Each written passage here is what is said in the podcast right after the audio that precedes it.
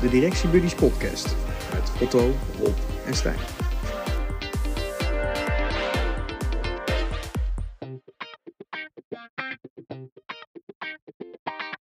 Vandaag de zevende Directiebuddies podcast, waarin wij Milko de Vrel te gast hebben. Milko is eigenaar en bedenker van Leventa, een organisatie die vanuit financieel oogpunt medewerkers probeert te ondersteunen. Milko vertelt onder andere over de koppeling tussen welzijn en welvaart, het inzetbaar houden van medewerkers en het als werkgever betrokken raken bij de privésituatie van de mensen die voor je werken. Dit en meer in de zevende Directiebuddies podcast.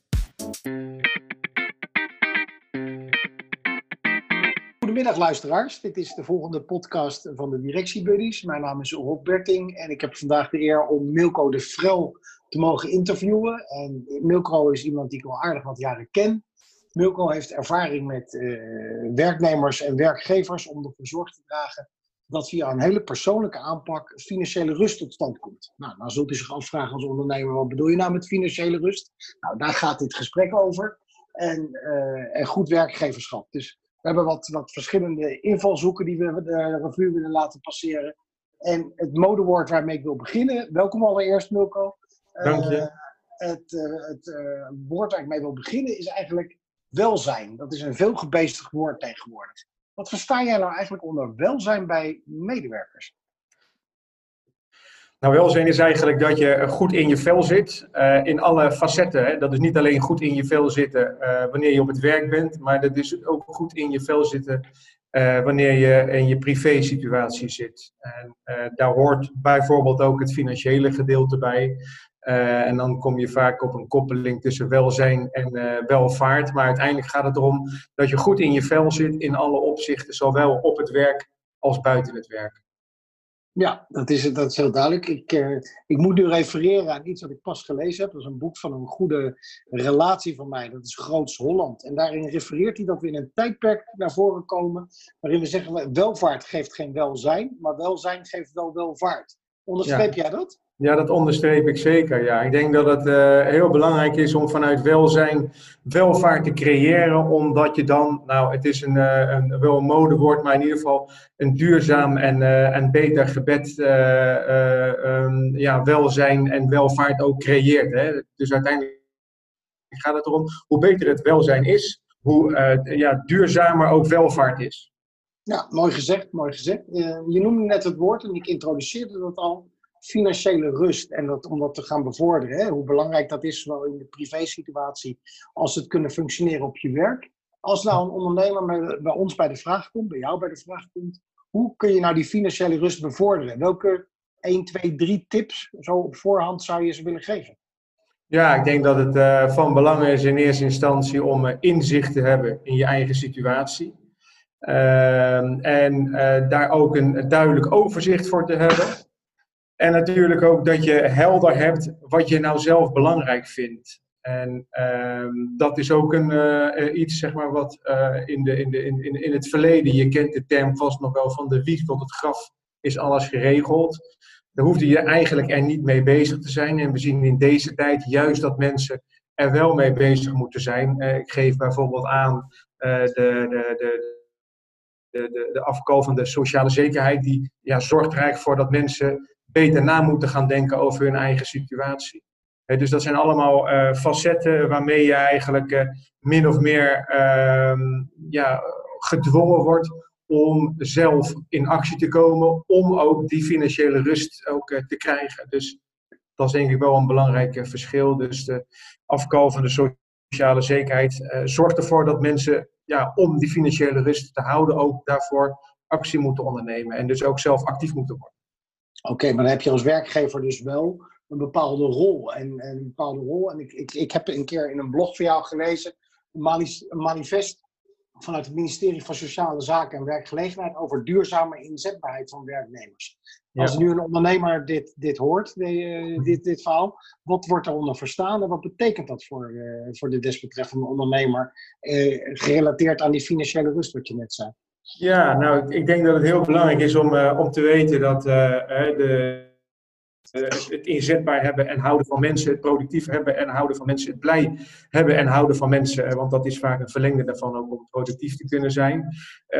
dat is een heel belangrijk onderdeel.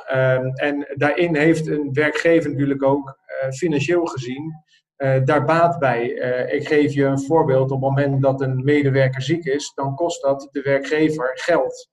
Niet alleen is het een hele uh, administratieve uh, riedel die opgestart moet worden, maar dit betekent ook dat het loon doorbetaald moet worden. Het betekent dat de vervanging geregeld moet worden als het wat langer duurt. Kortom, ehm, het inzetbaar houden van mensen is zowel in het belang van de werkgever als van de werknemer. En daarin liggen ja, best wel mooie uitdagingen nog voor werknemers om daar meer uit te halen dan wat ze doen. Dat geeft het manifest ook aan. Oké, dat geeft het manifest heel duidelijk aan.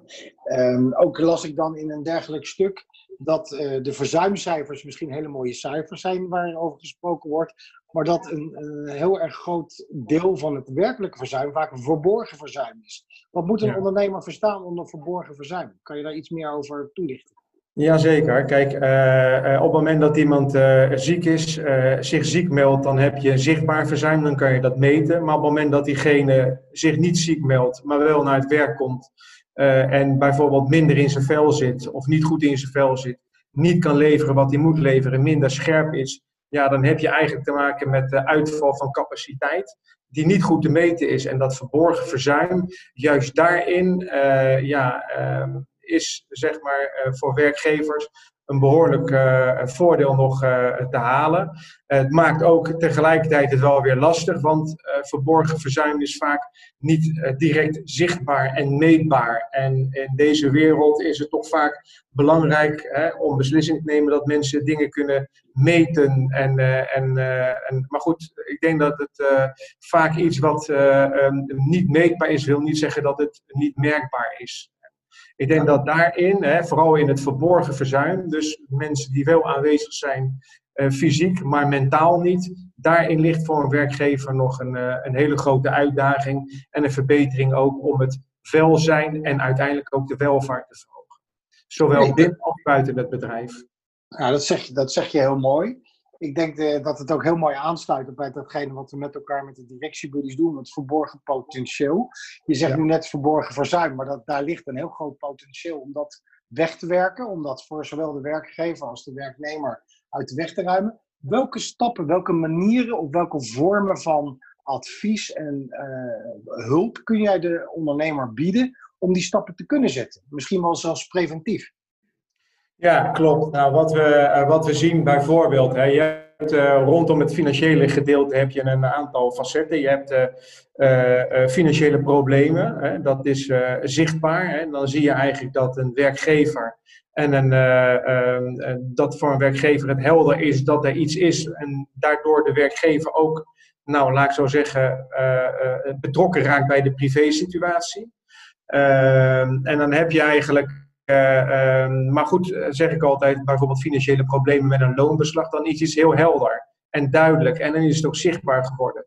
Als je gaat kijken, uh, dan is een loonbeslag eigenlijk pas het einde van een ja, lang, lange periode die eraan vooraf is gegaan en die niet, niet zichtbaar is geweest het probleem wat je eigenlijk ziet bij, uh, bij mensen is dat ze niet praten bijvoorbeeld over als er dingen zijn uh, waar ze mee lopen, financiële problemen, ga je niet mee te koop lopen.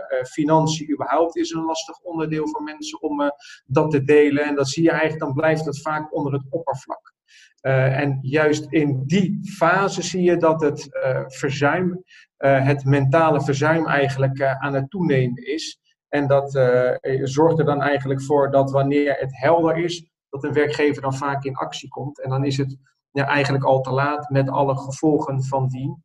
Dus een onderdeel daarin is dat we werkgevers ondersteunen in hoe doe ik nou goed beleid opzetten en uitvoeren rondom preventief beleid. Hè? Dus hoe voorkom ik dat medewerkers in de problemen komen en hoe doe ik dat? Dan kan je bijvoorbeeld denken aan vertrouwenspersonen op, uh, op de werkvloer en ook uh, dat mensen ook weten waar ze naartoe moeten. want dat is vaak ook een probleem, dat ze het niet weten en dan maar rond blijven lopen. Dus dat is een onderdeel om daar nou ja, zeg maar beleid en uitvoering op te maken. Ehm, nou ja, dat, wat we dan bij veel werkgevers doen, is bijvoorbeeld, dat is heel laagdrempelig financiële spreekuren.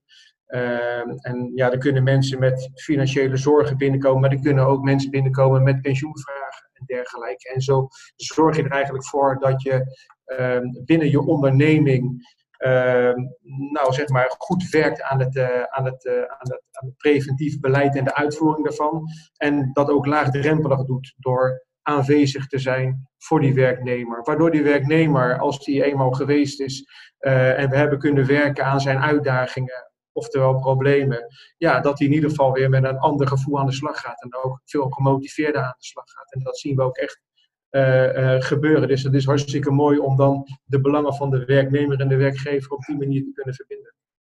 Nou, toevallig mag ik de luisteraar wel meegeven tot slot van ons gesprek heb ik dat zelf als werkgever mogen ervaren. Dat je dat bij een van uh, de bedrijven waar ik werkzaam ben geweest in het verleden heb gedaan. En ik uh, kan zeggen dat het desbetreffende bedrijf vorige week is overgenomen. En dat diezelfde mensen er nog steeds zitten met een glimlach op hun gezicht. Dus ik weet dat de werkwijze werkt uh, op deze manier.